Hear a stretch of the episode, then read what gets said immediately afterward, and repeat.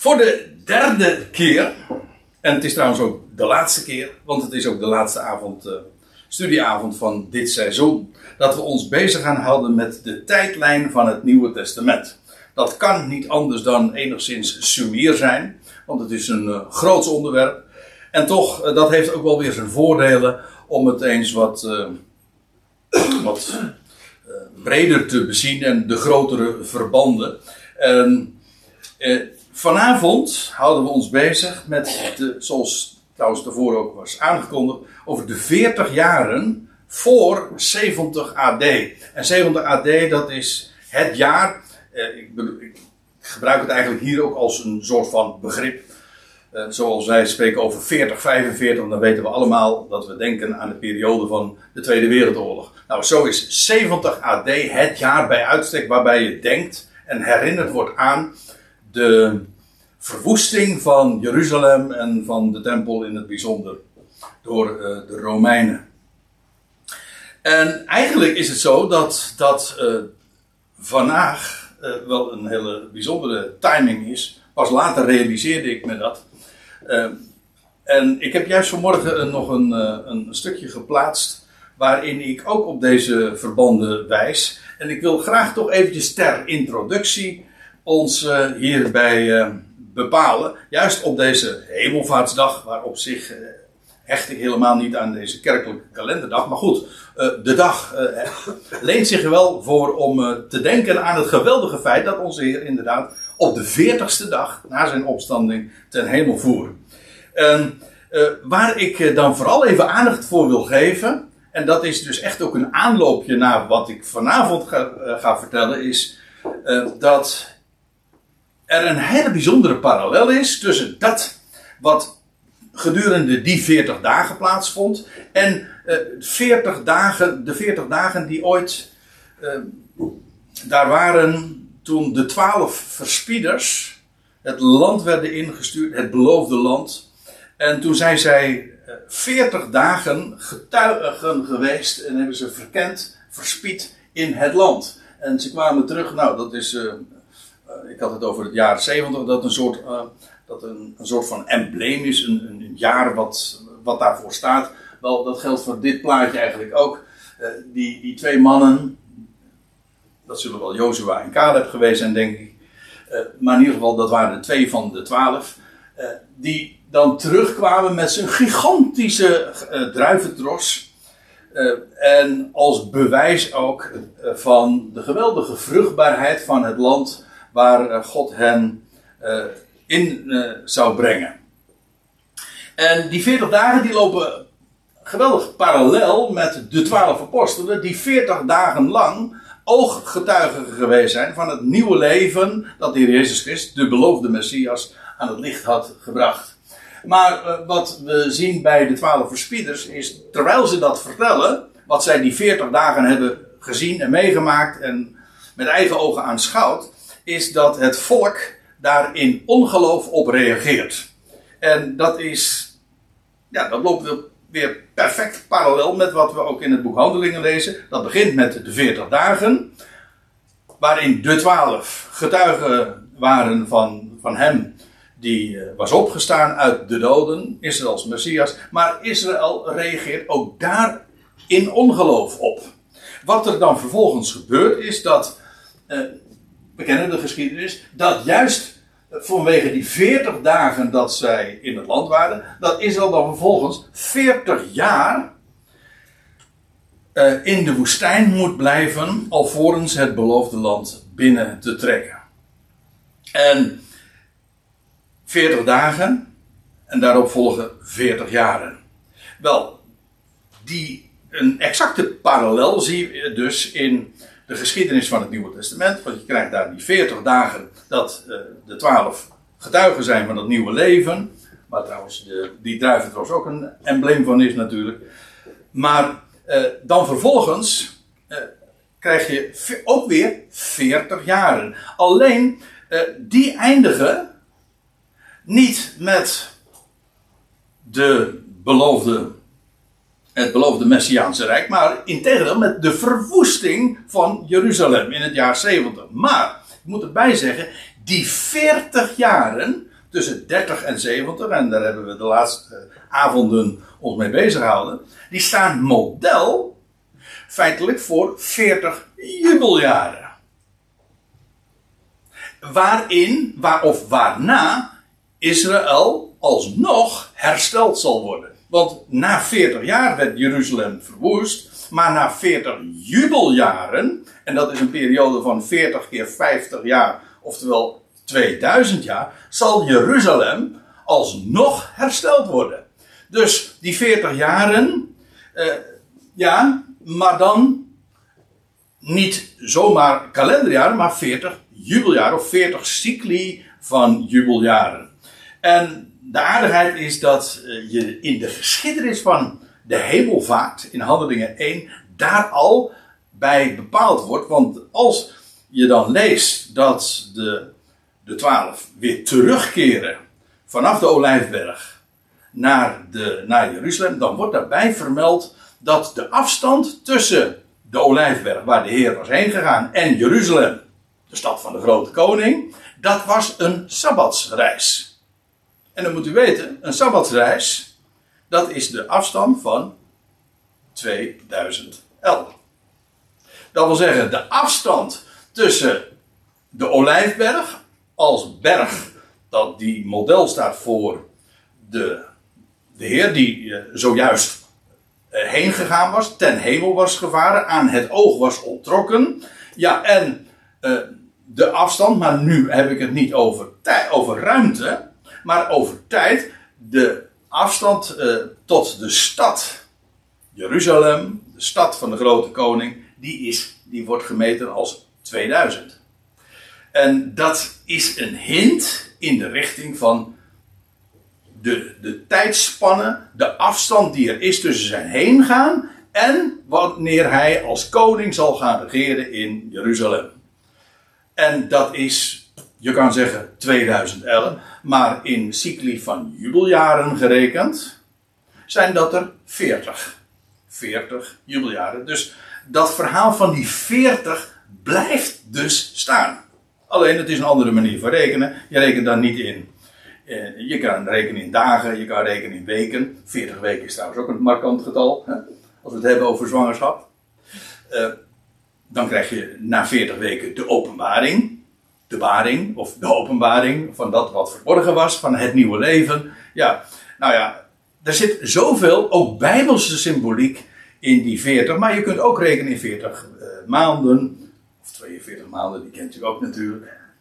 Maar ook uh, eh, 40 jaren, of in dit geval ook 40 jubeljaren.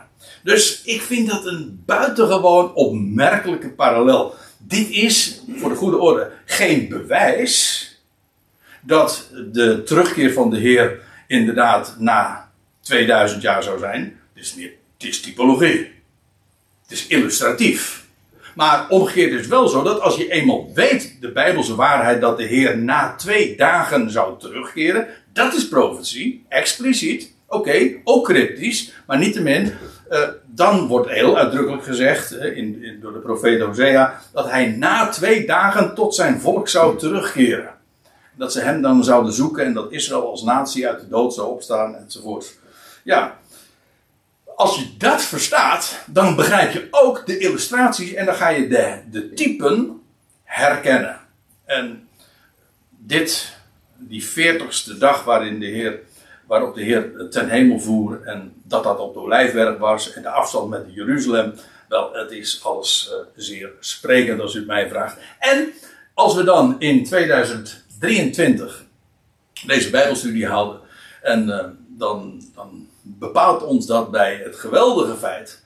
Zijn komst is gewoon in termen van chronologie. Ik heb het dus niet, helemaal niet over de tekenen van de tijden. Ik heb het puur over tijdrekening. En de hints die de schrift in die richting geeft. Dan weten we, hoe dan ook, de tijd is nabij. Dat wist Luther 500 jaar geleden al. Die zei al van, ja, zal ergens zo in uh, het begin van 2030, eh, 2040, nee, hij rekende 2045. Hij zat er een paar jaar naast, maar goed. Uh, die zei toen al van, let erop. En nu zitten we in die tijd. En de meeste mensen ziet het niet. Slapen. En ogen zijn dicht. Ja. Maar daarom is het des te belangrijker en mooier als je ogen daar wel voor open gaan, zijn gegaan en dat je die dingen mag zien en herkennen. Oké, nou dat wilde ik op deze hemelvaartsdag, toch deze 40ste dag na de opstanding, of na Pasen in dit geval, uh, toch even gememoreerd hebben. Nou, dan gaan we ook nog eventjes uh, terugblikken en samenvatten. Uh, wat we tot dusver hebben gezien. Uh, wat hebben we bevonden? Nou, dus twee jaartallen die erg belangrijk zijn. Namelijk het jaar 70. Dat is het jaar van Jeruzalems ondergang. En het jaar 30 AD. Dat was het jaar waarin de Heer stierf, opstond, ten hemel voer. Ja, dat is het jaar. Nou, die twee, die twee jaartallen, die, uh, daar, daar cirkelen deze studies eigenlijk ook uh, rondomheen. En dan wil ik er nog iets bij zeggen, en dat is dat Jezus sterven markeert, niet mankeert, markeert, het is een markering, en de, de helft van Daniels 70ste week. Uh, dat wil zeggen, uh, drieënhalf, ik kom daar straks nog even op terug. Ik zal het ook wat uh, duidelijk maken met een tijdbalkje. Maar drieënhalf jaar voor het jaar 4000. Anno hominus. Dat wil zeggen, gerekend vanaf Adam. Dus. Oké, ik kom daar nog even op terug straks. Maar dan hebben we de vorige keer ook met name gezien, dat is dat Johannes, de doper namelijk, en Jezus' bediening aanvingen in het jaar 26 van onze jaartelling, anno, in het jaar 26 anno Dominus. Waarom? Wel, we hebben gezien in Lucas 3 vers 1, dat is een heel belangwekkend vers, omdat daar heel uitgebreid, nergens vind je een uitgebreidere tijdsaanduiding van, uh, van een bepaald feit als in Lucas 3 vers 1. Daar wordt gezegd, het, is, het was het vijftiende regeringsjaar van Tiberius. Als je dan weet dat zijn co-regentschap begon in het jaar 12, dan is het een kwestie van uh, doorrekenen en dan uh, in het jaar 26. Dat was het vijftiende regeringsjaar van Tiberius. En dat was het zoveelste jaar van Pontius Pilatus, et cetera. Het wordt allemaal beschreven. En dus het jaar 26 is ook een heel belangwekkend getal als we het hebben over de chronologie van het Nieuwe Testament. Wanneer begon het publieke optreden van de Heer Jezus. Wel in het jaar 26. En toen was Jezus in zijn dertigste levensjaar, lees je. En dat betekent dat hij dus geboren is. Ook dat hebben we wat uitgebreider bezien. In niet 4 voor Christus zeg ik dan, want dat klinkt eigenlijk heel erg raar. Maar in min 4 AD. Ook dat klinkt vreemd, maar wend er maar aan. Oké. Okay, um, dus dat betekent uh, dat je gewoon, uh, als, je, als je het jaar 26 uit, als uitgangspunt neemt dat hij 30 jaar, in zijn 30ste levensjaar was. Eigenlijk was hij dus nog 29 jaar. Maar in zijn 30ste levensjaar.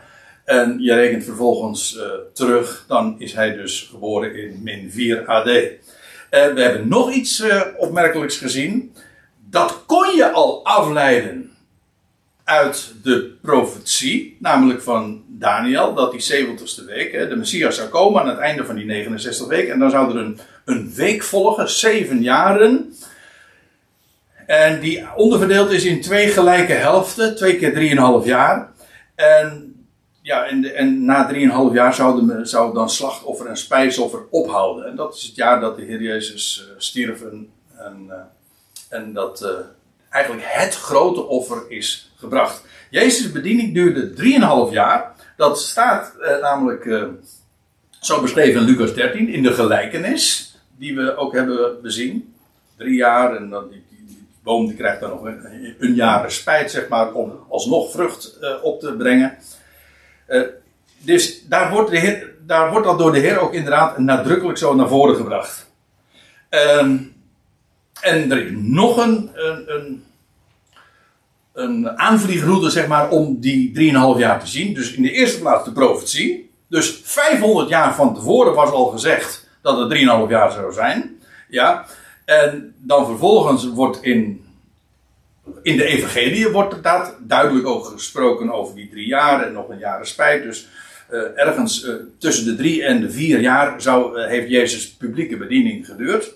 En dan hebben we ook nog een getuige in het Johannes-evangelie, namelijk dat we zien dat, dat uh, Jezus gedurende zijn publieke optreden vier keer het paascha heeft gevierd. Ik, zeg gevierd tussen aanhalingstekens, want de vierde keer was nou niet echt een viering natuurlijk, want dat was de, namelijk het paascha, uh, waarop hij in waarop hij zelf als het ware paascha geslacht werd. Precies op de dag die daarvoor was vastgelegd. Dus uh, vanuit de profetie en uit de evangelie en uit het Johannes-evangelie kom je iedere keer uh, op diezelfde termijn, namelijk dat Jezus' publieke bediening 3,5 jaar heeft geduurd. Aanvangend in uh, najaar van 26 AD en dus voortdurend tot het jaar 30. En dat was het jaar dat hij stierf. Oké, nou, dat hebben we tot dusver gezien. Nou moeten we nog iets. Uh, want we zijn eigenlijk daar geëindigd. Bij het jaar 30, namelijk het leven van de Heer Jezus. We hebben eigenlijk de tijdlijn van, van, van, van Jezus eh, gezien. Het begin van zijn publieke optreden, het einde daarvan. Maar die, die laatste jaarweek van Daniel heeft nog een, een tweede helft. Ik zei al, het heeft twee keer drieënhalf jaar. Uh, laat ik even dat gedeelte nog lezen. In Daniel 9. En dan staat er, en na de 7 en 62 weken zal de Messias worden afgesneden en hij zal niet hebben. Ik, en dan staat er vervolgens, en hij zal, ik sla even een paar uh, zinnen over, en hij zal het verbond bevestigen voor de velen. Eén week. In de helft van de week zal hij slachtoffer en spijsoffer doen ophouden. Nou, als je dat in schema dus neerzet, en ik doe het even kort omdat we het al bij meerdere gelegenheden wat uitgebreider hebben bezien, dan krijg je dus het verhaal dat uh, hier, dit is, dit is de tijdrekening van die 70 weken. Dat is in totaal dus 500 jaar. En dat ving hier aan. Uh, de Messias wordt gezalfd met geest en met kracht, oftewel Jezus doop in de Jordaan. Dat markeert het begin van die 70ste week. En dat duurt dan 3,5 jaar want in de helft van die jaarweek sterft de Messias. Eh, het voorhangsel scheurt. Het offer is gebracht. En dat maakt feitelijk alle andere, alle offers eh, die tot dusver gebracht zijn. En naar de wet overigens, dat wel. Maar maakt het, eh, het was slechts een schaduw. Daarnaar verwees het. In ieder geval, bij die gelegenheid sterft de, dus de Messias, dat is na 3,5 jaar. Dat betekent dat er nog 3,5 jaar resteren.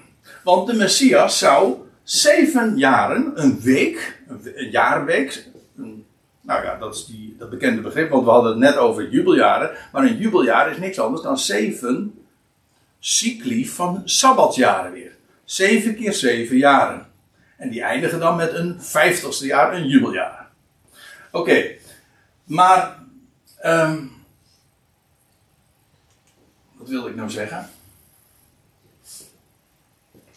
Nou, dan drink ik gewoon even een glas water. Zeven jaar. Zeven jaar. Ja, uh, drieënhalf jaar hebben we gehad. Maar dat betekent dus dat er. Ja, oh, dat wou ik zeggen. De Messias zou een week lang het verbond bevestigen. Maar als hij nou gedurende of eh, in de helft van die week sterft, maar hij zou het een week lang bevestigen, dan kan dat maar één ding betekenen. Hij moet opstaan. Om ook de rest van die zeven jaren het verbond te bevestigen.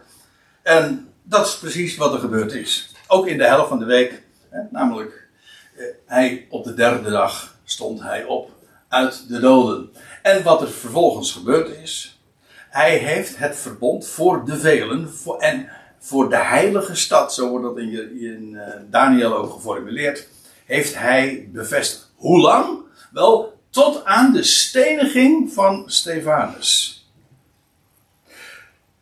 Al die tijd, die, ook die drieënhalf jaar die volgde, heeft hij het verbond, het, het nieuwe verbond, want dat is wat, hij, wat de Messias zou brengen, heeft hij bevestigd met vele wondertekenen. Ik bedoel, de twaalf zijn uitgegaan. Trouwens, het boek Handelingen begint er ook mee. Hè? Handelingen begint met, eh, ja, met hoofdstuk 1 vers 1. En dan staat er van, eh, zegt Lucas, nou, mijn eerste boek eh, Lucas heb ik geschreven. Of mijn eerste boek Theophilus heb ik geschreven met alles wat Jezus begonnen is te doen. Met andere woorden, mijn tweede boek gaat over wat Jezus daarna doet. Wij, hebben, wij zeggen dan, het zijn de handelingen der apostelen. Ja, maar feitelijk, Lucas, die presenteert het op een andere wijze, met notabene in het eerste vers al. Hij zegt, je, mijn eerste boek ging over wat Jezus begon te doen. En dat betekent, begrijp, dat is ABC van begrijpend lezen. Mijn tweede boek gaat over wat Jezus in het vervolg gaat doen. Nou, en dat is inderdaad het verbond bevestigen. En dat heeft hij gedaan. Met vele wondertekenen. In Jeruzalem tot aan de steniging van Stefanus. Waarom is dat zo belangrijk? Omdat bij de steniging van Stefanus. En dat is dus 3,5 jaar verder. Ik kom daar straks nog op terug. Ehm, bij de steniging van Stefanus heeft het volk officieel de Messias, de opgestane Messias verworpen. Kijk, bij deze gelegenheid hebben ze eh, Jezus Christus gekruisigd. Ja, maar vervolgens heeft, eh, is aan het volk gepredikt dat zij tot bekering zouden komen eh, en dat ze eerst in onwetendheid hebben ze hun Heer gekruisigd. Ze hebben de leidslieden, het volk, van het volk, hebben, hebben de, Jezus Christus overgeleverd aan de Romeinen om hem te kruisigen. En nu wat er gedurende die 3,5 jaar gepredikt wordt door Petrus, met name, die is de woordvoerder dan. Maar de twaalf in het algemeen hebben dat zo gepredikt aan het volk. Namelijk dat ze tot geloof zouden komen, tot bezinning zouden komen, ze zouden terugkeren van hun wandaad. Namelijk dat zij alsnog de Messias zouden aanvaarden. Dit keer de opgestane Messias. Dat is eigenlijk wat hun getuigenis ook is hè, van de twaalf. Hij leeft. Die, eh, degene die jullie hebben gekruisigd, God heeft hem opgewekt. En komt tot berouw en bekering op de tijden van verademing mogen aanbreken. Wel, drieënhalf jaar is in Jeruzalem, heeft dat woord geklonken. En en heeft, hebben er massale wondertekenen plaatsgevonden. Kijk het maar na eh, hoe dat in die eerste hoofdstukken van Handelingen zo beschreven wordt. Eigenlijk tot Handelingen 7 aan toe. En Handelingen 7 is een sluitstuk. Het is een mijlpaal. Ik vind het ook heel opmerkelijk. Ik wil er nu niet te diep op ingaan, maar ik vind het heel opmerkelijk dat je dan ook leest dat als eh, Stefanus gestenigd wordt. En achter de coulissen, haast letterlijk uh, is Sa- Saulus zich al aan het warmlopen. Uh, het is de eerste keer trouwens dat de naam van Saulus dan uh, in dat verband ook genoemd wordt. En uh, dan als, als Stefanus dan doodgaat, sterft, overlijdt, dan lees je dat de laatste, zijn laatste woord, ik zie dus de Ben Adam, de zoon des mensen, staande aan Gods rechterhand. Heel opmerkelijk. Het, het is een mijlpaal. Waarom? Omdat hier een periode wordt afgesloten. Dat lees je ook, want vervolgens in Handelingen 8 lees je dan ook dat een enorme uh, vervolging uitbreekt. En dat alleen de apostelen die blijven dan in Jeruzalem achter. En, maar uh, alles wordt, uh, wordt verstrooid. Kortom, die, de, de, met de steniging van Stefanus eindigt er een hele specifieke periode. En dat dat 3,5 jaar geduurd heeft aardigheid is, of u vindt het misschien juist niet zo aardig, maar eigenlijk dat het precies 3,5 jaar is geweest, weten we eigenlijk alleen uit de profetie. Dat wil zeggen, Daniel voorzegt dat zo. Een week lang heeft de Messias het verbond bevestigd. Ja, in het boek Handelingen is dat niet direct zo te lezen. Kijk het maar eens na. In uh, alle handboeken, ik heb, er, ik heb uh, mijn huiswerk echt wel aardig gedaan. Kijk maar na. Allemaal zeggen ze, nou, die periode moet ongeveer drie à vier jaar geweest zijn. Nou, dat klopt. uh, maar uh, dus in, in feite worden in het boek Handelingen niet zo specifiek chronologische details uh, daarover gegeven. Hoewel er wel uit valt af te leiden. Maar daar gaan we het ook nog over hebben. Ja, en wat je dus bij de steniging van Stefanus vindt, is, eh, en dat is de laatste aantekening die ik er ook eh, dus bij maak, is dat het is een einde van de bevestiging van wondertekenen in Jeruzalem. Daarna vind je in, worden er eh, geen wondertekenen meer gedaan daar in Jeruzalem. Dan houdt het op. En dat is dus twee keer drieënhalf jaar. Vanaf de openbaring, vanaf de doop van Jezus tot aan zijn sterven is drieënhalf jaar. En daarna nog een keer 3,5 jaar tot aan de dood van Stefanus.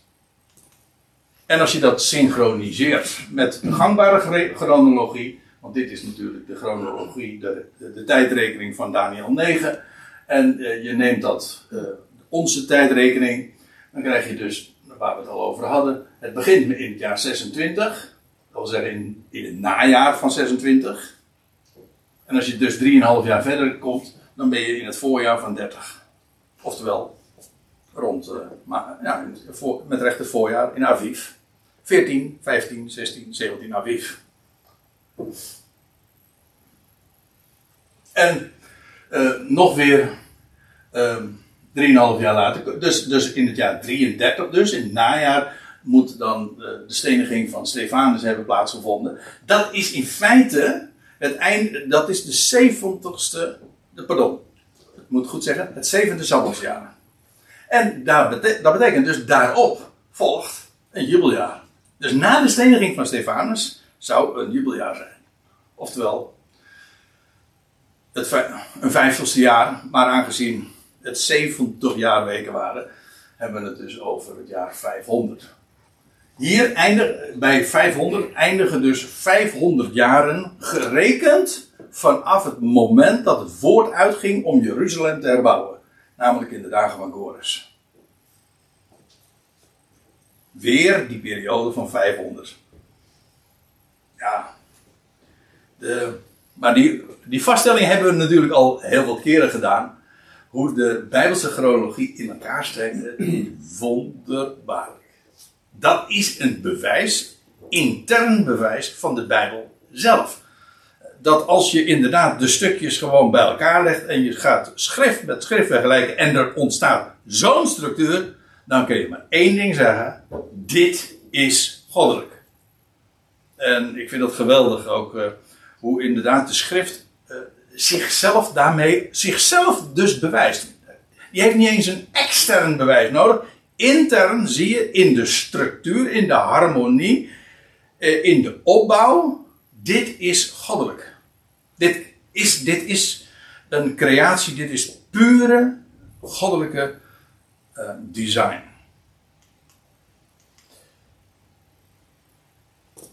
Ja. Oké, nou dit is dus die, uh, dit is onze tijdrekening zeg maar. In het jaar 30, 34. Uh, dat betekent dus dat ook in, als je dan weer 2000 jaar verder rekent, in het jaar het jaar 2030 is dus 2000 jaar geleden dat de Heer stierf en opstond. Dus gewoon, daarmee zeg ik dus niks, hè? Ik zeg gewoon, dat is 2000 jaar verder gerekend. En in 2033, 34, want je hebt een gedeeltelijk overlap. Dat, een, een Joods jaar rekent dus van najaar tot najaar, hè? Dus dat betekent dat het. Uh, dat dat, dat niet, helemaal, niet synchroon loopt met ons jaar. Dat het loopt van 1 januari tot 1 januari. 31 december. Oké. ja, en dat is dus de tijdrekening al helemaal uh, anno hominus. Het jaar 6000 vanaf Adam. Dus we, we, gaan, we gaan hele interessante tijden aanbreken. Pure chronologie. We gaan het zien. Vol verwachting hè, blijf ik uitzien. En uh, vol verwachting klopt ons hart. Uh, en uh, iets. ja, het zijn, de ene komt uit Johan de Heer, de andere komt uit, uit de Sinterklaasliedjes. Maar in beide gevallen is het zeer van toepassing, lijkt mij. Ja. Oké, nou, dan gaan we nu ons bezighouden met de tijdlijn van het vervolg in handelingen. Ik kom er nog even eh, op de dingen terug van die, die 3,5 jaar. Maar laten we eerst eens. Eh, eh, laten we gewoon stap voor stap door het boek Handelingen gaan. We hebben dus gezien dat uh, in het jaar 30 de dood en opstanding, in het jaar 33 uh, de, de steniging van Stefanus. En dan een jaar later, in het jaar 34, dat is dus dit jaar, in het jaar 500, gerekend vanaf van, uh, in de reeks van 70 jaarweken, was, heeft de roeping van Saulus plaatsgevonden. En dat was in het jaar 4000.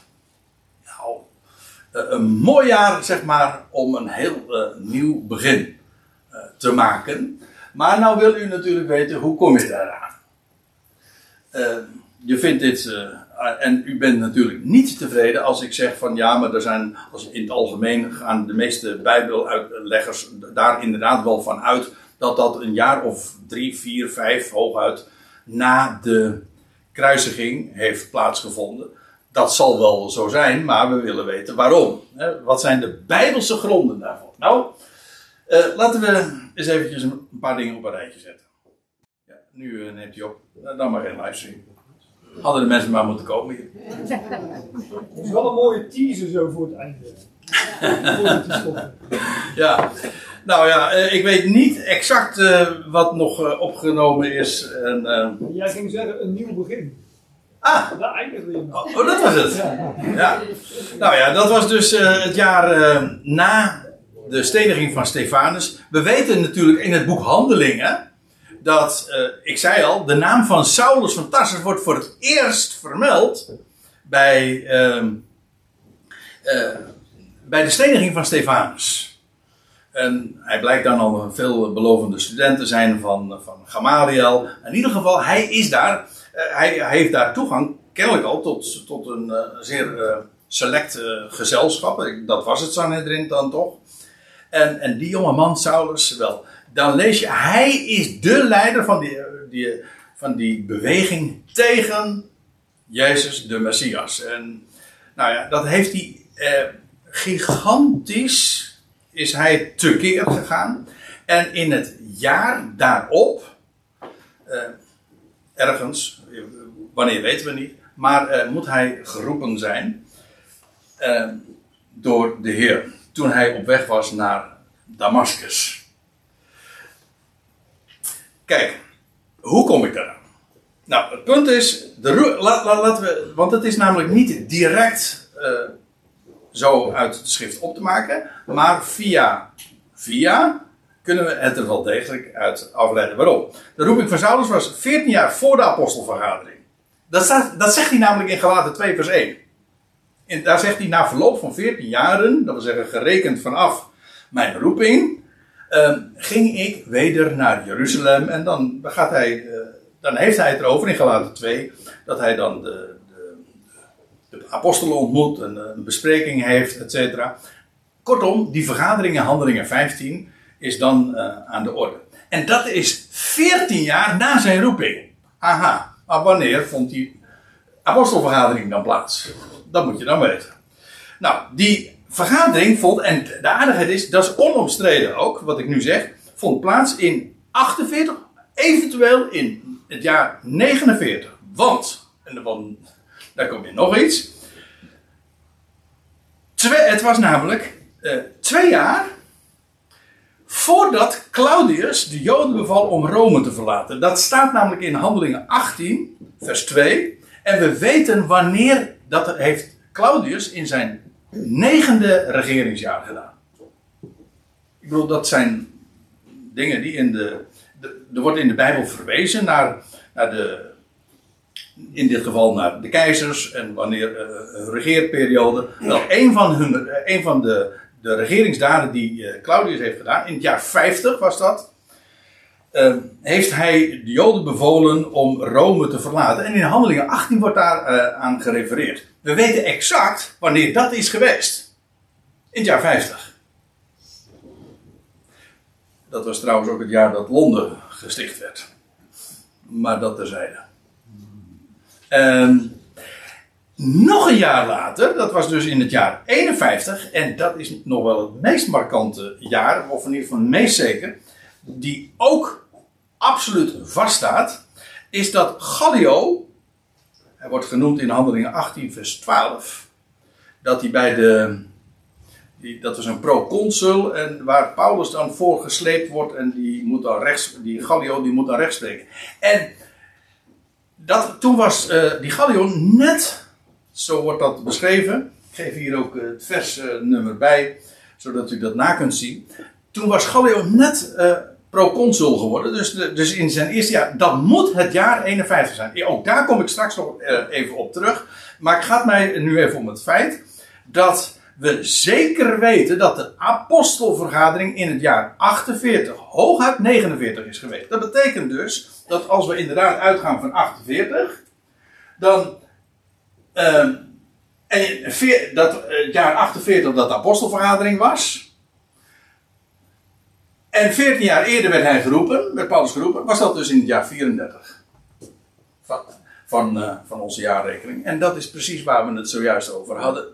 En, zodat je ziet dat als, als zulke dingen opgemerkt worden, als, de heer, als Paulus zegt van ja, 14 jaar later kwam, ging, ik, ging naar Jeruzalem en dat, was die, en dat was die beroemde apostelvergadering. Ja, maar de lijntjes die lopen bij elkaar. En dat betekent dat als je het uh, linkt ook met de geschiedenis, want u ziet, nog even dit, dit is dus in het jaar 48 geweest, die apostelvergadering, maar uh, een jaar of wat later vindt, die, uh, vindt dat bevel plaats van Claudius, die de Joden beveelt om Rome te verlaten. Dat was trouwens om de zaak van Christus.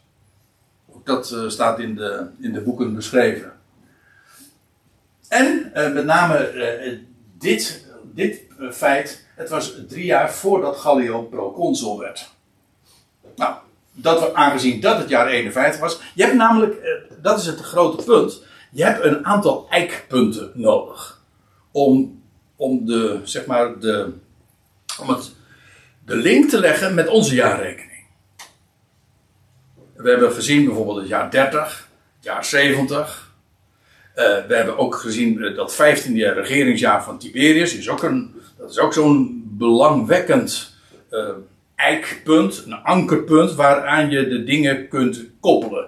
Nou, zo zijn deze twee feiten in het boek Handelingen, dat bevel van Claudius en uh, dat moment dat Gallio proconsul werd, wel, dat zijn dingen die, die bekend zijn in de, in de Romeinse geschiedschrijving. En daarmee kunnen we inderdaad de link leggen de die de, Bijbel zelf aandraagt met onze jaarrekening. Oké, goed. Uh, dus inderdaad, Paulus werd geroepen, nou ga ik even terug, uh, in dat jaar, uh, in het jaar 34 van onze jaarrekening, dat was dus een jaar na de steniging van Stefanus. Oké, laten we wat verder gaan nog. Ik, uh, ik ga zo door, stapje voor stapje, door de tijdlijn van het boek Handelingen. Dan krijg je in. Als Saulus geroepen is, in het jaar 34 dus, dan lees je in, boek, uh, in, in Galaten beschrijft hij dat. Toen is hij niet naar Jeruzalem gegaan. Nee, hij is eerst naar Arabië gegaan. Drie jaar lang. Of in ieder geval, pas drie jaar later gaat hij uh, naar Jeruzalem. Deze. Maar dat betekent dus dat je dan gewoon door kan rekenen. Je hebt jaar 34, hij werd geroepen. En dan drie jaar later kom je uit in het jaar 37. Ik moet erbij zeggen, soms eh, kan er een speling zijn van, in onze jaarrekening van een jaar bedoel, als hij geroepen is in het jaar 34 en drie jaar lang is, bevindt hij zich in Arabië. Ja, uh, is dat het begin? Is het het einde geweest? Dat weet je niet. Daarom, uh, die slag hou ik om de arm. Maar je kon, kunt in het algemeen dus rekenen vanaf 34, drie jaar in, heeft hij uh, gebied verkeerd in Arabië. Dat was ook omdat de Heer nog gezegd had van ja, ik ben nu aan je verschenen. Maar ik heb je nog meer te melden ik, zal opnieuw aan jou verschijnen. En toen is hij inderdaad naar Arabië gegaan. Diezelfde plek waar ooit, ooit ook de Heer verscheen aan Mozes. Ja. Ook in Arabië was dat. Oké, we gaan verder. Ik geef dus met opzet ook in die rechterkolom de Bijbelversen aan waaraan het uh, gekoppeld is. Uh, dat hij drie jaar in Arabië was, dat lees je letterlijk zo in Galaten 1 vers 18. Dan lees je vervolgens dat hij weer terugkeert naar Jeruzalem. Dat is pas drie jaar na zijn roeping dus. Uh, dat heeft niet erg lang geduurd, want in Jeruzalem dan krijgt hij het meteen al heel erg zwaar te verduren. Want dan wordt. Uh, dan, sterker nog, ze moeten, hij moet het vege lijf zien te redden. En dan wordt hij uh, weer uh, de stad uitgebracht. En onder begeleiding. En hij keert weer terug. Eigenlijk naar moeders. Nou ja, dat weet ik niet helemaal zeker. Maar in ieder geval naar de stad waar hij vandaan kwam. In Tarsus. Dat lees je in, in Handelingen 9 dus. En dat moet dus in het jaar 37 geweest zijn. Dan een heel aantal jaren verder, en dus komen we inmiddels in het jaar 43, zoekt uh, Barnabas Paulus op in Tarsus. In die tussentijd, dat lezen we in Galaten 1 ook, heeft Paulus gearbeid in uh, Cilicië en in de streken uh, van Syrië. Dat beschrijft hij in, aan het einde van Galaten 1. En dan lees je in Handelingen 11 dat Barnabas Saulus weer gaat opzoeken. Als hij in Antiochie is, en dan zoekt hij Paulus weer op. Dat is in het jaar 43 geweest. Hoe weet ik dat? Nou, er is nog iets. Dat komt omdat dat een jaar voor. Dat, dat lees je dus ook in Handelingen 11. Dat was een jaar voordat Herodes Agrippa de eerste stierf. In Handelingen 12 lees je dat Herodes, eh, ja, een van de Herodesen, dat was Agrippa de eerste, eh, sterft. Het wordt vrij uitgebreid beschreven dat die man dan een bepaalde, bij een festiviteit optreedt aan het publiek. En dan lees je dat uh, hij, en iedereen roept dan van, is helemaal idolaat van die Herodes. Dat was er allemaal in scène gezet natuurlijk, want dat moest zo. Uh, maar iedereen riep dat en iedereen riep geweldig die Herodes. En dan lees je dat hij ter plekke dat, er een, dat hij aangevreten wordt, ik weet niet precies hoe het er staat, maar door een worm. En hij valt voor de ogen van het publiek pal uh, neer en uh, dood. En dat is in de tijd dat Paulus net in, in Jeruzalem is gearriveerd. Dat, ook dat wordt dan beschreven. Wij, wij, ook dit is trouwens een heel belangrijk eikpunt. Namelijk, want het sterfjaar van Herodes Agrippa is bekend. Sterker nog, zijn, de sterfdatum is ervan zelfs bekend. Op welke dag dat is geweest, ik geloof, eh, als ik me niet vergis, in, ergens in juni. Maar in ieder geval, het sterfjaar is, uh, is onomstreden. Het, dat is in het jaar 44 geweest. En uh, kort daarvoor, of een jaar daarvoor, is Paulus vanuit Tarsus in Antiochia aangekomen en vervolgens naar Jeruzalem gegaan. Ook om, een, om een, een bijdrage te geven aan de broeders in Jeruzalem. U begrijpt, terwijl ik hier zo sta te praten, realiseer ik me dat als je nou niet al te veel weet van de geschiedenis van het boek dat uh, de dingen misschien een beetje gaan duizelen. Waar heb je het allemaal over? Die ken ik allemaal niet. Ja, nou dan moet ik me excuseren. want dat, ik kan dat, dat hele verhaal natuurlijk niet, niet vertellen. Maar goed, als je een klein beetje een idee wil hebben van, van de tijdlijn en ook de redenen waarom, waarom dat hier geplaatst moet worden en, en, en niet daar, wel, dat, is, uh, dat heeft dus allemaal te maken met een paar aanknopingspunten en de, de, de lijnen die de schrift daar zelf voor aangeeft. En het feit dat hier, een, hier staat dus Barnabas, hè? maar ik, was, ik was zeker een beetje met mijn kleinzoon bezig dat ik dat verkeerd spelde. Ik weet het niet wat het was. Ja. Ja, en dan uh, in, als, als uh, Herodes Agrippa de eerste dan sterft, dan lees je een, uh, een tweetal jaren later, dan komen we dus inmiddels in handelingen 13 en 14, dan lees je dat Paulus en Barnabas erop uitgaan en die maken dan hun, zoals dat dan heet, ik sluit me maar aan bij dat gangbare spraakgebruik, de eerste zendingsreis. En dan gaan ze daar naar, naar Lystra, naar Derbe, naar Zuid-Turkije, Galatië, etc. En dat heeft een, uh, een tweetal jaren, of twee à drie jaren geduurd, van 46 tot 48.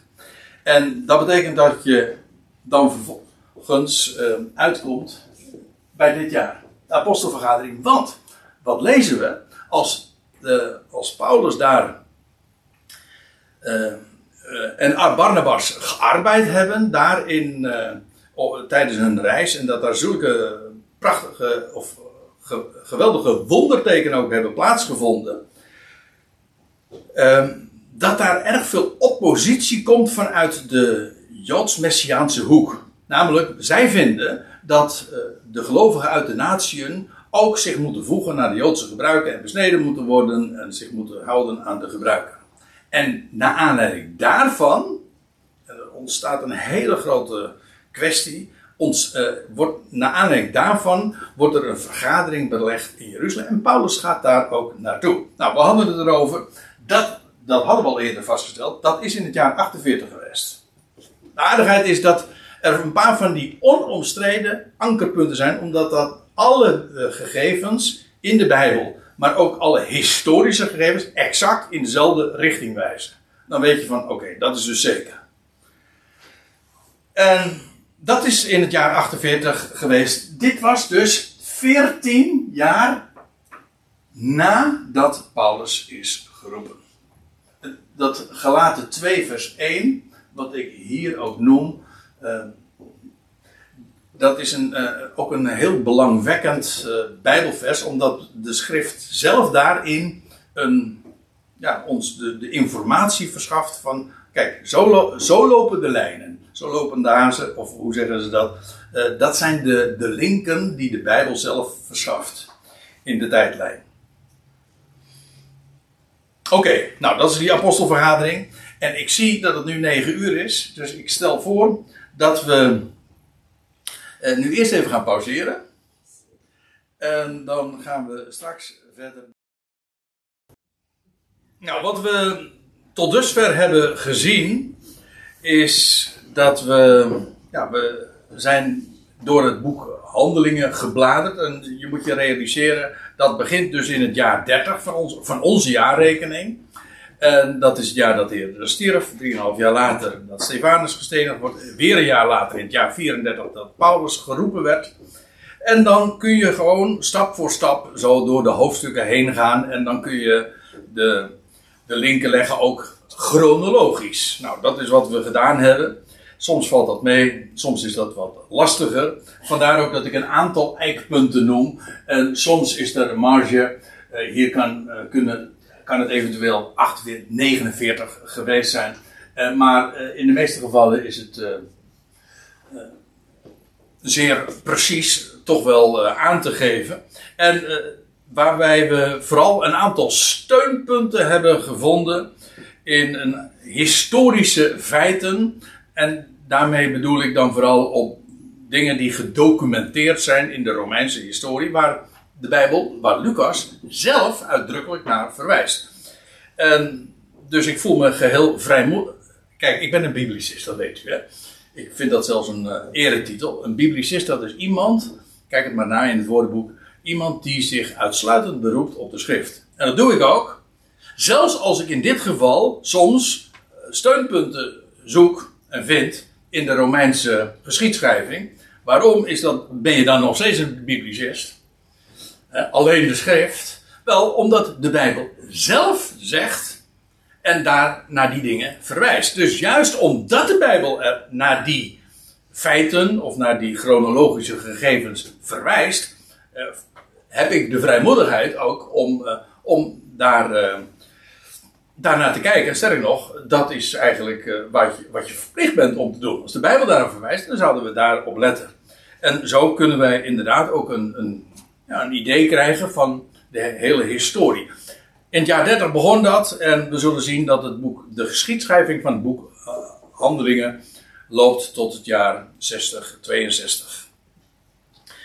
Maar goed, we hebben nog een aantal uh, mijlpalen te gaan. 48 AD is zeker zo'n mijlpaal, want dat is namelijk een van de bekendste hoofdstukken, omdat toen die apostelvergadering heeft plaatsgevonden, waar ook Paulus aanwezig was. En waar Jacobus toen ehm, ook eh, de knoop heeft doorgehakt. En daarna, na die apostelvergadering, is Paulus weer naar Antiochië gegaan, lees je. En vanuit Antiochië is hij, heeft hij zijn zogenaamde tweede zendingsreis ondernomen. En dat wordt dan beschreven in handelingen 15 tot 18. En dat is ook die tijd dat hij in Filippi was, handelingen 16, weet u wel, die, die gevangenbewaarder. En dat, dat uh, die gevangenis instortte, dat was handelingen, 5, dat is handelingen 16, handelingen 17, dat hij daar in Athene was en dat hij op de Areopagus sprak. Dat is allemaal in die tijd. Dat is dus in die periode geweest van 49 tot 52. Um, uh, vervolgens is hij naar Korinthe gegaan, waar hij anderhalf jaar gearbeid heeft. Dat lees je, één jaar en zes maanden. Dat is trouwens ook weer zo'n chronologisch gegeven die de boek, het boek Handelingen zelf aandraagt, zodat je inderdaad de dingen kunt uh, combineren. De aardigheid is dat uh, je leest dat Paulus dan anderhalf jaar arbeidt in uh, Korinthe, maar dat is, ja, dat is bijzonder. Want het begin van die anderhalf jaar begint met de mededeling dat uh, hij daar. Uh, wie kwam hij daar tegen in Korinthe? Met twee, een echtpaar met wie hij iets gemeenschappelijks had. Ja, heel veel gemeenschappelijks had. Maar vooral, ze, deden, ze waren tentenmaker van beroep. Priscilla en Aquila. En je leest, die, waren, die kwamen met het nieuws eigenlijk. Uh, dat, die kwamen uit Rome. En ze moesten Rome verlaten, want dan lees je in de handelingen 18 vers 2. Claudius, dat was de keizer, die toen al negen jaar arbeidde, of uh, regeerde. Keizer Claudius. En die heeft toen, uh, er was veel tumult, en die heeft toen het bevel gegeven dat alle Joden Rome zouden verlaten. Dus toen kwam, kwamen zij ook uiteindelijk in Korinthe terecht. En Paulus treft hen dan. Paulus wilde want dat was het punt. Paulus wilde naar Rome gaan. En hij krijgt dan feitelijk ook het nieuws horen van nou dat hoef ik niet te doen. Want juist Claudius heeft het bevel gegeven om uh, dat alle Joden uh, Rome moeten verlaten. Vandaar ook dat hij in Korinthe blijft. Dat wordt in Handelingen 18 vers 3 dan weer gezegd. Dus het begin van Paulus verblijf in Korinthe dat begint met een mededeling, een, een, een referentie aan uh, dit historische gegeven, namelijk dat Claudius gelast de Joden Rome te verlaten. Nou, dat is een eikpunt. Want we weten namelijk wanneer dat was. En dan komen we op nog iets uit, en dat is het jaar 51. En dat is dat Gallio proconsul wordt, of landvoogd heet het. Uh, in de, geloof ik in de MBG-vertaling. Maar in ieder geval, en we weten exact. Dus, uh, het is zelfs, uh, men zegt dat dit het belangrijkste aankno historische aanknopingspunt van het hele boek Handelingen is. Dat, zeggen, dat wordt in het algemeen daarover gezegd. En je leest dat Paulus dan anderhalf jaar dus in Korinthe is. En overal waar Paulus was ontstond heel veel heibel. Dat is eigenlijk een, een, loopt als een rode draad in door het hele boek Handelingen. Maar eh, dan eh, pogen de Joden hem ook voor de, land, voor de nieuwe landvoogd te brengen. En die landvoogd heet Gallio. En zo'n landvoogd, dat, die, die regeerde dan altijd voor een termijn van één of hooguit twee jaar. Maar de Gallio was dus de proconsul. En nou, vind ik wel leuk. Dat wordt dan zo vermeld. Maar ik heb het eventjes op Wikipedia nagekeken. En dan lees je dit. Uh, Gallio's ambtstermijn kan redelijk nauwkeurig worden gedateerd tussen 51 en 52 na Christus. Daarom kunnen de gebeurtenissen van handelingen 18 in deze periode worden gedateerd. Dit is belangrijk omdat het de meest nauwkeurige bekende datum in het leven van Paulus is. Dus dit is zo'n vast eikpunt. En deze, deze Gallio was trouwens een hele aparte. Uh, want hij, uh, hij was een Romeins senator, maar hij was ook een broer van de beroemde schrijver Seneca. Kent u die naam? Ja. Ja, wou ik zeggen. Dat is een. eh, ja, ik, heb, ik heb nooit wat van hem gelezen, maar ik heb wel veel over hem gelezen. Ja, maar in ieder geval. En het was ook een eh, grote redenaar, Seneca. Ja. En. eh, Ja, wijsgeer. Ja. Maar in ieder geval, eh, deze Gallio was een broer van hem. En eh, wij weten eh, dat hij in 5 voor Christus is geboren en in 65 na Christus is overleden. Nou, dat is eigenlijk weer buiten Bijbelse informatie. Maar die, die Gallio was dus net proconsul geworden. En dat was in het jaar 51. En dat was de afsluiting van Paulus' anderhalfjarige bediening in Korinthe. Zodat en het begin en het einde van zijn bediening in Korinthe gekoppeld worden aan belangrijke eh, eh, gebeurtenissen eh, die duidelijk ook gefixeerd zijn in de Romeinse geschiedschrijving. Dus ja, dit zijn van die belangrijke aanwijzingen, waardoor we inderdaad een goed beeld kunnen krijgen van de hele tijdlijn in het boek Handelingen. Kijk, het is erg mooi dat je weet van nou, het begon in het jaar 30 en, eh, en Paulus arriveert dan in het jaar 60 in, in Rome. Ja, maar het is ook wel mooi als je dan ook enigszins een idee hebt wat er in die drie decennia is gebeurd. Eh, Hoe, hoe dat meer precies, als je inzoomt, eh, hoe dat dan gedateerd moet worden. Nou, dat kan. Soms moeilijk en soms is het toch wel heel goed te doen. Maar het is in ieder geval van belang om daar een beeld van te krijgen. Oké, dat is Gallio. En dan eh, lees je ook in het jaar 2, in, dat is dan een jaar later, dat kun je duidelijk uit Handelingen 18 dan ook opmaken, eh, dat Paulus heel kort een bezoek brengt aan Jeruzalem. Dat had te maken met een gelofte die hij had gedaan. En je, het wordt maar in één vers kort vermeld dat hij ging op, hij kwam in Caesarea aan. En dan lees je, hij ging op naar eh, Jeruzalem. Het wordt niet eens zo de, genoemd, maar de context is duidelijk genoeg. Hij ging naar Jeruzalem en hij ging vervolgens weer naar Antiochië. Maar in ieder geval, dat was dus in het jaar 52. Daarop, dit is in handeling 18.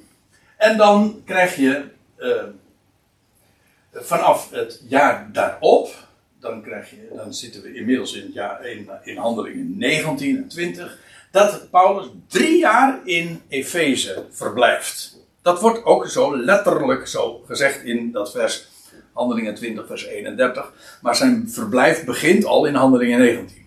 En ik moet erbij zeggen, zijn verblijf in Efeze is wel een paar keer onderbroken geweest. Want we weten uit de brieven dan weer dat hij ook nog eventjes een bliksembezoek gebracht heeft aan Korinthe.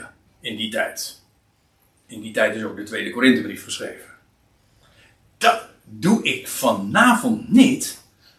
eh, om het niet nog complexer of eh, ja, nog meer lijnen te krijgen. Maar eh, om ook de brieven die Paulus geschreven heeft, om die zeg maar te plotten zo in deze tijdlijn. Want dat is heel, heel eenvoudig te doen. Je weet, het, eh, bijvoorbeeld in deze periode heeft hij nogal wat brieven geschreven. En eh, hier in, het is in Rome, pardon, in eh, zijn tijdens zijn verblijf in Korinthe geweest dat hij de eh, in, ja, in het jaar 50, 51 dat hij de Thessalonica brieven heeft geschreven. Dat zijn, waren zijn eerste brieven, tenminste die we in de Bijbel aantreffen. Oké, drie jaar heeft hij daar dus eh, gearbeid in Efeze. En dan zijn we inmiddels dus aangekomen in het jaar 56 van onze jaartelling. Vervolgens heeft Paulus via via, want het is niet rechtstreeks gegaan, maar ook dat wordt beschreven, is hij eh, uiteindelijk, en dat is dan inmiddels een jaar later, in het jaar 57 dus, gearriveerd in Jeruzalem. Nou, dat wordt wel het, eh, het grote bezoek aan eh, de stad en waar hij enorm tegenop heeft gezien. Hij moest naar Jeruzalem, weet je. Maar hij wist ook, en het was hem door iedereen afgeraden, maar hij wist hij moest. En hij, was ook, hij zegt ook in eh, diverse keren in het boek Handelingen: eh, Gebonden in de geest ga ik naar de stad, naar Jeruzalem toe. Maar hij wist dat hij daar gevangen genomen zou worden. En eh, hij arriveert dan in Jeruzalem en dat wordt dan in Handelingen 21 beschreven. Nou, u weet hoe het gegaan is. Eh, hij is, er ontstaat een gigantische rel in Jeruzalem. Dat was tijdens het Pinksterfeest trouwens. En, nou ja, en hij wordt daar beschuldigd dat hij een heiden binnen de, het Zorek eh, had gebracht eh, binnen, eh, op het tempelterrein. En dat, daar stond de doodstraf zelfs op. Maar het was een valse beschuldiging. Ehm, en Paulus wordt in feite door de Romeinen beschermd. Door de Joden, de Joden willen hem lynchen. En Paulus als Romein, heel uitdrukkelijk, hij is dan een Romein, wordt hij, als Romein wordt hij beschermd door de Romein. Hij is met recht een apostel van de natie. Niet alleen maar voor de natie, hij is een apostel van de natie. Die eigenlijk als heiden, als Romein, het evangelie aan de Joden brengt. Heel apart ook dat hij dan zo'n reden houdt. Uh, want uh, bovenaan de trap, lees je, van het tempelplein. En, en, dan, moet hij, dan wordt hij beschermd door de Romeinen. En dan kunnen zij niet daar komen. Maar dan houdt hij bovenaan de trap uh, die, die, een reden tot zijn, tot zijn brood was. Een Pinkse reden, zeg maar. Maar uh, dat eindigde heel erg uh, tumultueus, om het eventjes netjes te zeggen. Oké, dat is het jaar 57, want daar hebben we het over. En, nou ja, om een lang verhaal kort te maken. Hij wordt gevangen, uiteindelijk toch wel gevangen genomen. er verschijnt ook nog voor het Sanhedrin. En uiteindelijk ook weer ter bescherming uh, wordt hij door de Romeinen naar Caesarea gebracht. Om met een enorme cohorte van honderden soldaten wordt hij uh, beveiligd. Want ja, er was, een, er was namelijk een moordaanslag op hem beraamd, een complot gesmeed. Ja, ja, complotten. Die, er was een complot gesmeed en, en toen is hij door de Romeinen in veiligheid gebracht in Caesarea. U weet wel. Dat is die poort daar aan de zee. Waar hij altijd ook naar de natie ging. Ja, ik, ik, terwijl ik dit zeg, denk ik, gaat, mijn typologische radartjes allemaal draaien. En denk, wauw, dit is uh, geweldig. Maar, oké, Paulus gaat dan naar Caesarea en, uh, en zit daar twee jaar gevangen. Ook dat wordt gezegd in handelingen 24 en 27. Dus uh, dit is dit is zo'n plaatje wat u hier nu ziet, wat ik hier nu opbouw, deze tijdlijn. Dit is echt iets om, uh, om eens uh, nader te bestuderen. Kijk al die teksten maar eens na. En uh, je, je, zult gaan zien van hoe het inderdaad ja, het klopt.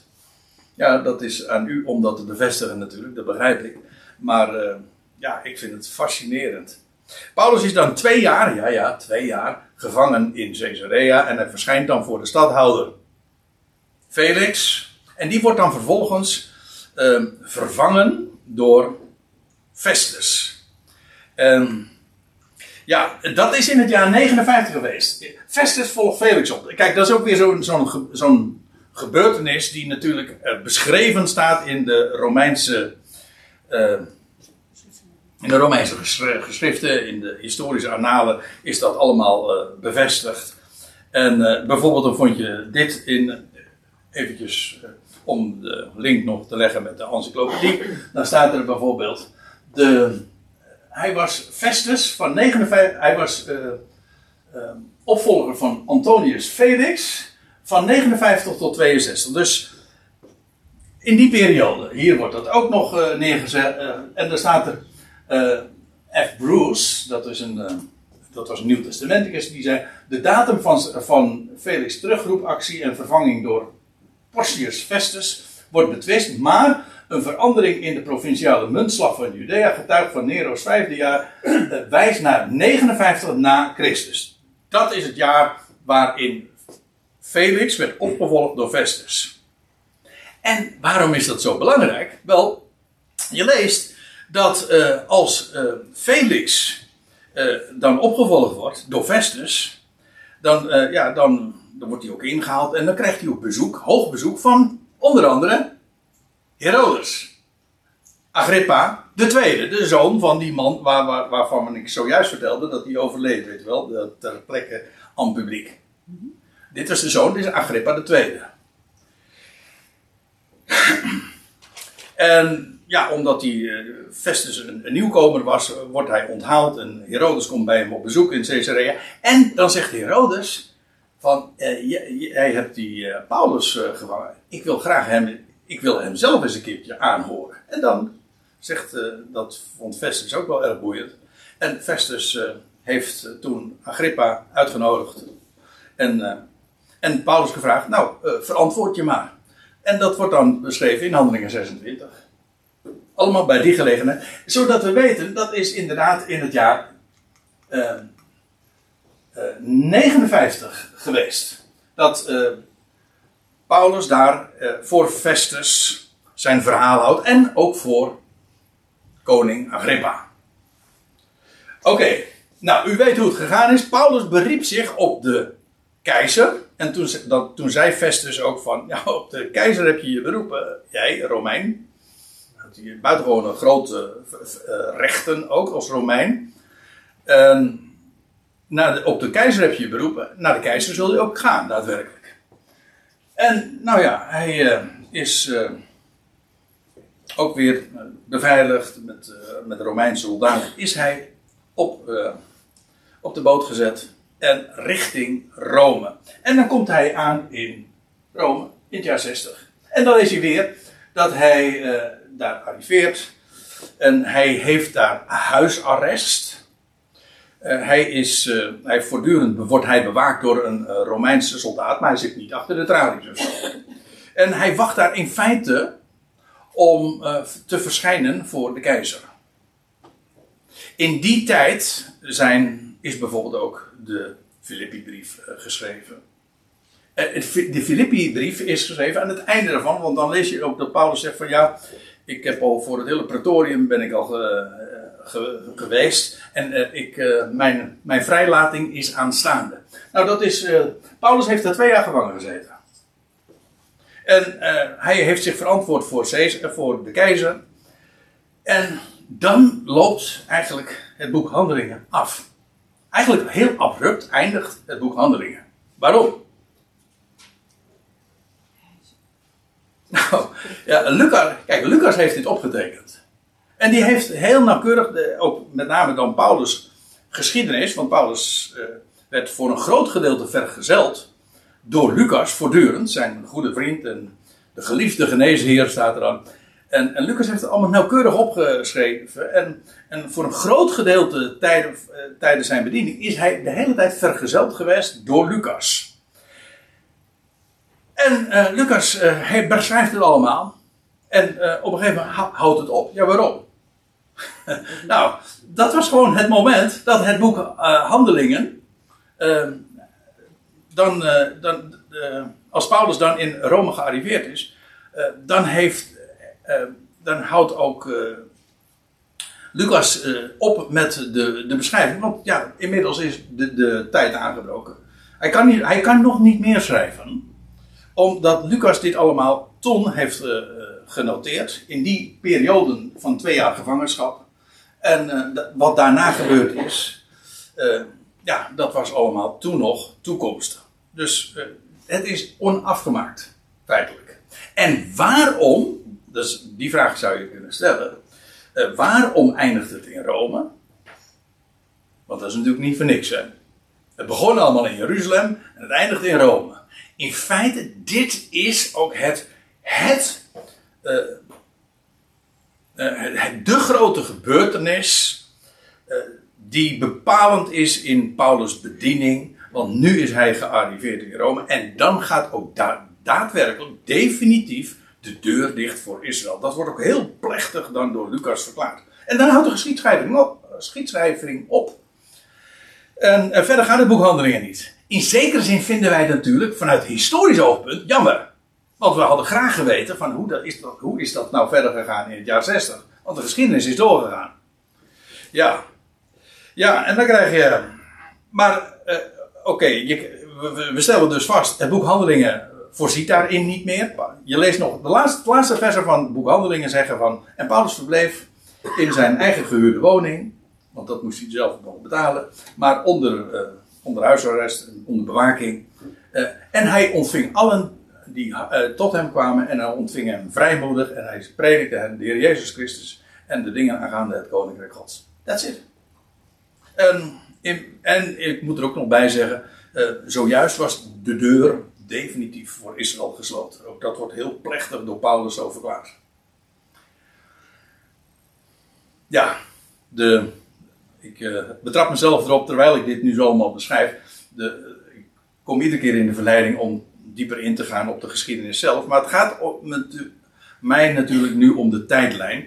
Dus, uh, dus ik hou het hier even bij. Ja, wat je dan vervolgens krijgt is de turbulente jaren 60. Want u, u denkt bij, de, bij deze uitdrukking natuurlijk aan iets heel anders. Want wij, wij hebben het ook altijd over de uh, roerige jaren 60, maar dan denken we aan de roerige jaren 60 van de 20e eeuw. Maar ik heb het over de roerige jaren 60 van de eerste eeuw. Ja. En die waren ook erg turbulent, moet ik zeggen. En nou, waarom? Nou, vooral in verband met Israël. Want ik zei zojuist, ja, de deur was dichtgegaan voor Israël. En wat er vervolgens gebeurde met betrekking tot de Joodse natie, is dramatisch. En nou ja, het sluitstuk is het jaar 70, als Jeruzalem verwoest wordt. Maar dat heeft een hele aanloop gehad. En ik moet er trouwens bij zeggen, een heel belangrijke gebeurtenis in, niet in de Bijbel wordt het beschreven, maar Flavius Josephus schrijft er uitgebreid over dat, een, dat uh, de eigenlijke hele Joodse oorlog die voorafging aan, uh, aan de verwoesting van Jeruzalem, die begon in het jaar 62, acht jaar voor de Jeruzalems verwoesting, met de, met, de moord op Jacobus, de broer van Jezus. Uh, Jacobus de rechtvaardige, die naam had hij in de, onder de Joden. En die werd uh, toen gedood. En dat werd de aanleiding, volgens Flavius Josephus, tot de Joodse oorlog. Het is allemaal zo veelzeggend. En ja, je hebt de Joodse opstand, uh, die ook in de jaren 60, dat was dan de tweede helft van de jaren 60, die je toen kreeg. Maar oké, laten we eventjes de lijn met Paulus dan vasthouden. Want uh, na Paulus' vrijlating in 62, want ik zei al, in het jaar 60 tot 62 is hij, heeft hij onder huisarrest in Rome vertoefd en heeft hij ook wat brieven geschreven, de zogenoemde gevangenisbrieven. Uh, maar daarna ook nog trouwens. Hij is, zo weten wij, uh, heeft nog diverse dingen gedaan. Hoe lang, weten we niet. Maar we weten wel, hij is vrijgekomen. De Filipijnse brief schrijft daarover, maar ook 1 Timotheus. Dat is allemaal na Handelingen 28. Hij is naar Macedonië gegaan. En in Macedonië ligt Filippi. En hij is vermoedelijk, ik zeg het met een slag om de arm, maar eigenlijk wel met een aan zekerheid grenzende waarschijnlijkheid, ook naar Spanje gegaan. Hoe weten we dat? Wel, aan het einde van het boek uh, van de Romeinenbrief lees je dat, als, dat Paulus al zegt: van ja, als ik in Rome geweest ben, dan ga ik, uh, dan ga ik naar Spanje. Nou, hij had het zich anders ingedacht. Uh, hij had het anders gepland hoe hij in Rome terecht zou komen. Maar hij is inderdaad in Rome gegaan. En wat zou hij dan gedaan hebben als hij weer vrijgelaten wordt in Rome? Nou, gewoon zijn oorspronkelijke voornemen om naar Spanje toe te gaan. Alsnog heeft hij toen uh, ingevuld. Uh, dus uh, in ieder geval in die periode na 62 is hij ook nog kennelijk naar Rome gaan. We hebben, laat ik het zo zeggen, er is geen enkele aanleiding, die uh, bijbelse aanleiding, om te denken dat hij van dat oorspronkelijke voornemen, namelijk dat als hij Rome gezien zou hebben, dat hij vervolgens ook uh, naar, uh, naar Spanje zou gaan, dat hij daarvan afstand heeft genomen of zo. Dus we gaan er, ik denk dat we goede redenen hebben om aan te nemen dat hij daadwerkelijk inderdaad nog naar Spanje gegaan is. En trouwens, er zijn nog meer getuigen dat hij richting het westen is geweest. Er zijn er zelfs die zeggen dat hij de Britse eilanden heeft bezocht. Maar dat zeggen kerkvaders dan weer, dus ik laat het even voor wat het is. Uh, hij is ook nog op Kreta geweest. Daar was hij al een keertje eerder aangespoeld, min of meer. Uh, ik zeg het niet helemaal goed, maar dat, dat is de tijd dat hij ook de, de Titusbrief heeft geschreven. Dat wil zeggen, hij had Kreta zojuist verlaten, maar hij had Titus achtergelaten.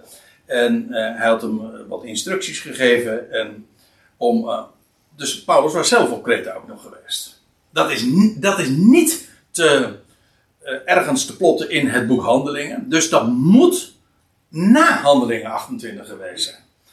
En, en dan lees je ook dat hij eh, zou overwinteren in Neapolis. Dat ligt daar eh, boven, nou ja, Zuid-Albanië is dat ongeveer. En daar heeft hij overwinterd. Lees je dan in Titus brief.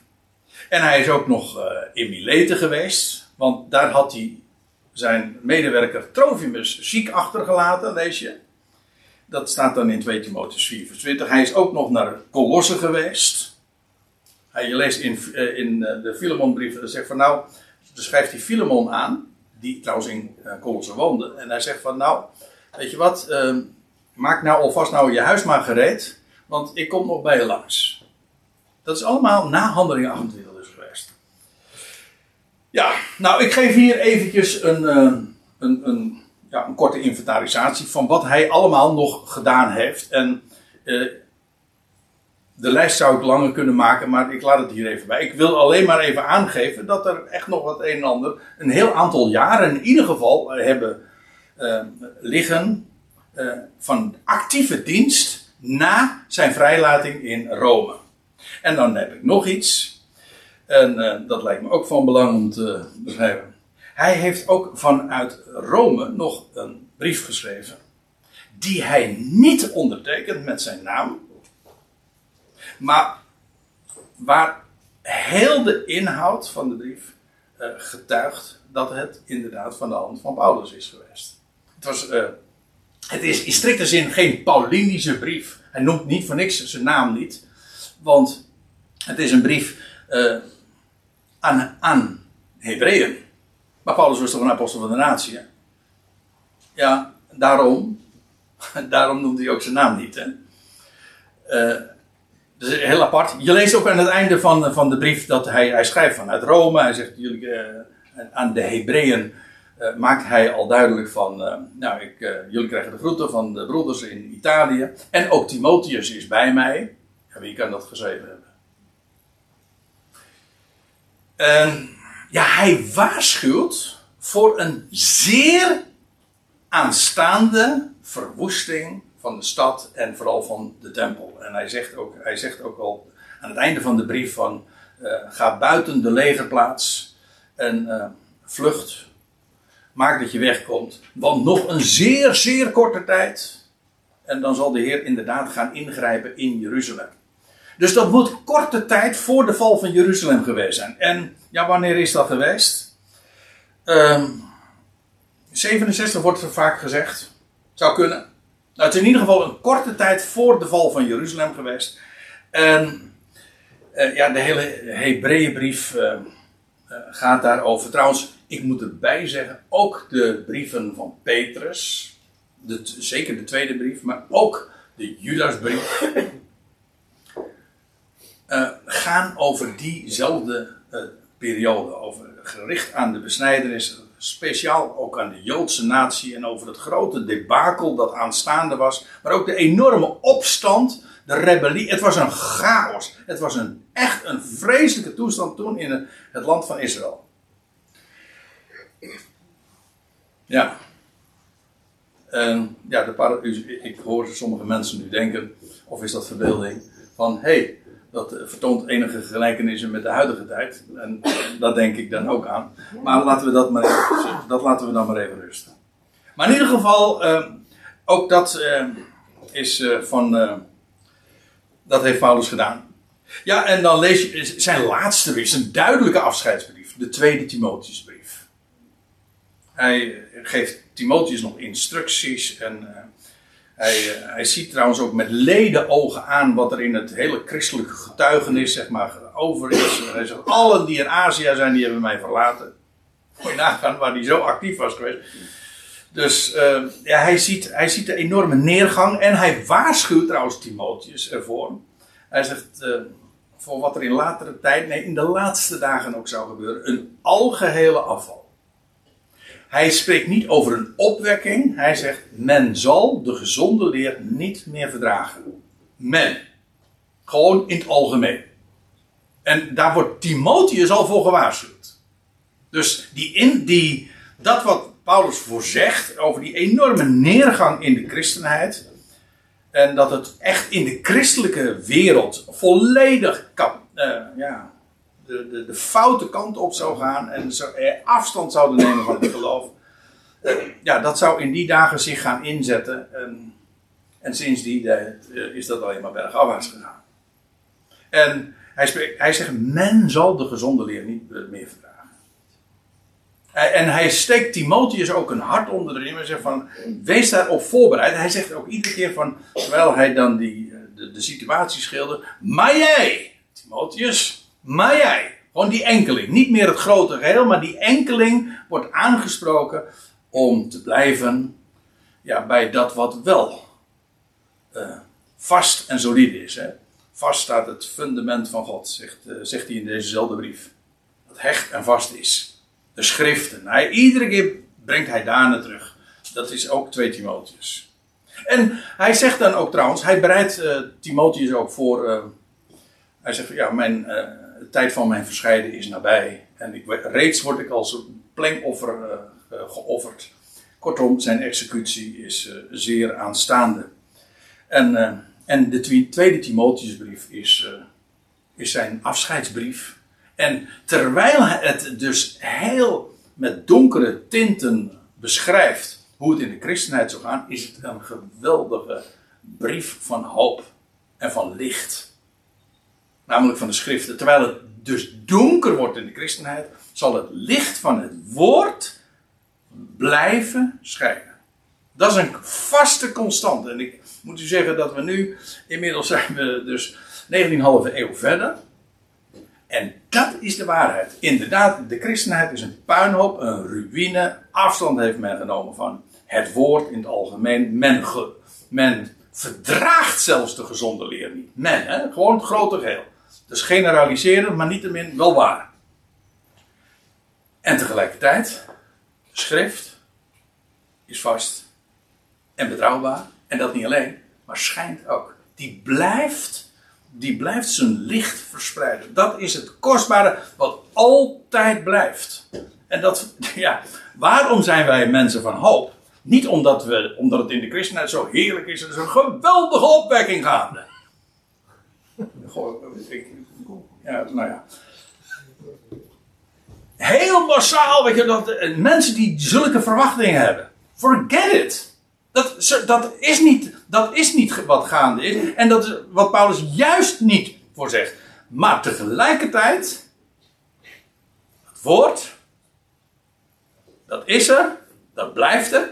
En sterker nog, juist dat zal aan betekenis en kracht alleen maar ook gaan toenemen. En ik, ik, prijs mezelf gelukkig dat wij vandaag in een tijd leven dat het woord toegankelijker is dan ooit tevoren. Zelfs nog toegankelijker dan Paulus deze brief schreef.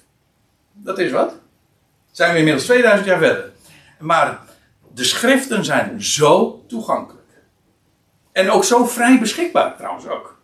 Ook door de, door de, doordat dat zware huwelijk tussen kerk en staat is, ehm, dat is ten einde gekomen. Dus er is een enorme vrijheid waar je eh, soms je bedenkingen bij hebt. Maar ik zou zeggen, prijs God voor die vrijheid hoor.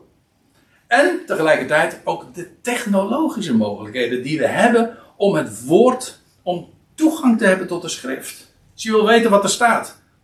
Je drukt op je mobiel als het niet over een is. en, en, en je, en je ziet het. Je hoeft, niet, je hoeft niet meer kilometers af te leggen of tijden te reizen om naar een bibliotheek om, om te zien van wat er staat geschreven. Nooit is dat simpeler geweest dan nu. En daardoor is het contrast trouwens ook zo groot als je zegt dat de meeste mensen, terwijl de, de schriften zo toegankelijk zijn en zo duidelijk, zo helder zijn, geen hond geeft er wat voor. Dat is, ja, dat is bizar. Dan denk van, zo groot, zo heerlijk, zo toegankelijk. En, en wie heeft er interesse in? Maar Netflix is veel interessanter, denken ze. Ik heb niks tegen Netflix, begrijp me goed. Maar, eh, ziet u, dat, ja, dat is een, geest van verdoving ook. Men slaapt. Oké. Ja, nou, en eh, daar, daar wil ik mee eindigen. Hij zegt in die tweede Timotheusbrief dan ook nog. ehm, dat is het laatste wat in, in 2 Timotheus 4 schrijft hij dan ook nog. Dan zou je zeggen van zijn executie is nabij. En waar maakt hij zich druk om? Om zijn bibliotheek. Is een soort naam voor de boeken is de, de, en, en, de kaft en zo. Het wordt vertaald met de mantel, maar eigenlijk is het gewoon de kaft. En uh, hij is bezig met de brieven te verzamelen. De boeken moeten bij elkaar. De boeken. Ta Biblia staat er. Gewoon waar ons woordje Bijbel van afgeleid is. Dat lijkt me een heel aardige inkopper. Uh, hij is bezig met de schriften samen te stellen. Want hij weet van ja, als ik weg ben. En straks ook uh, mijn collega Petrus, die trouwens ook heel actief is geweest in het bijeenbrengen van de boeken. En die zich beijverd heeft om, uh, zodat ze latere generaties zouden kunnen staan op het fundament. Wel, hij is aan het einde van zijn leven bezig geweest om die schriften bij elkaar te brengen. Zodat wij nu die boeken hebben. Compleet. Verzameld. Dat is dat is dus wat wij ook voor hebben op de dagen van de apostelen zelf. Nu hebben we die boeken inderdaad bij elkaar. En ze zijn zo toegankelijk. Dus dat is een geweldige voorrecht. En dat is uh, waar Paulus uh, zich aan het einde van zijn leven zo druk om maakte.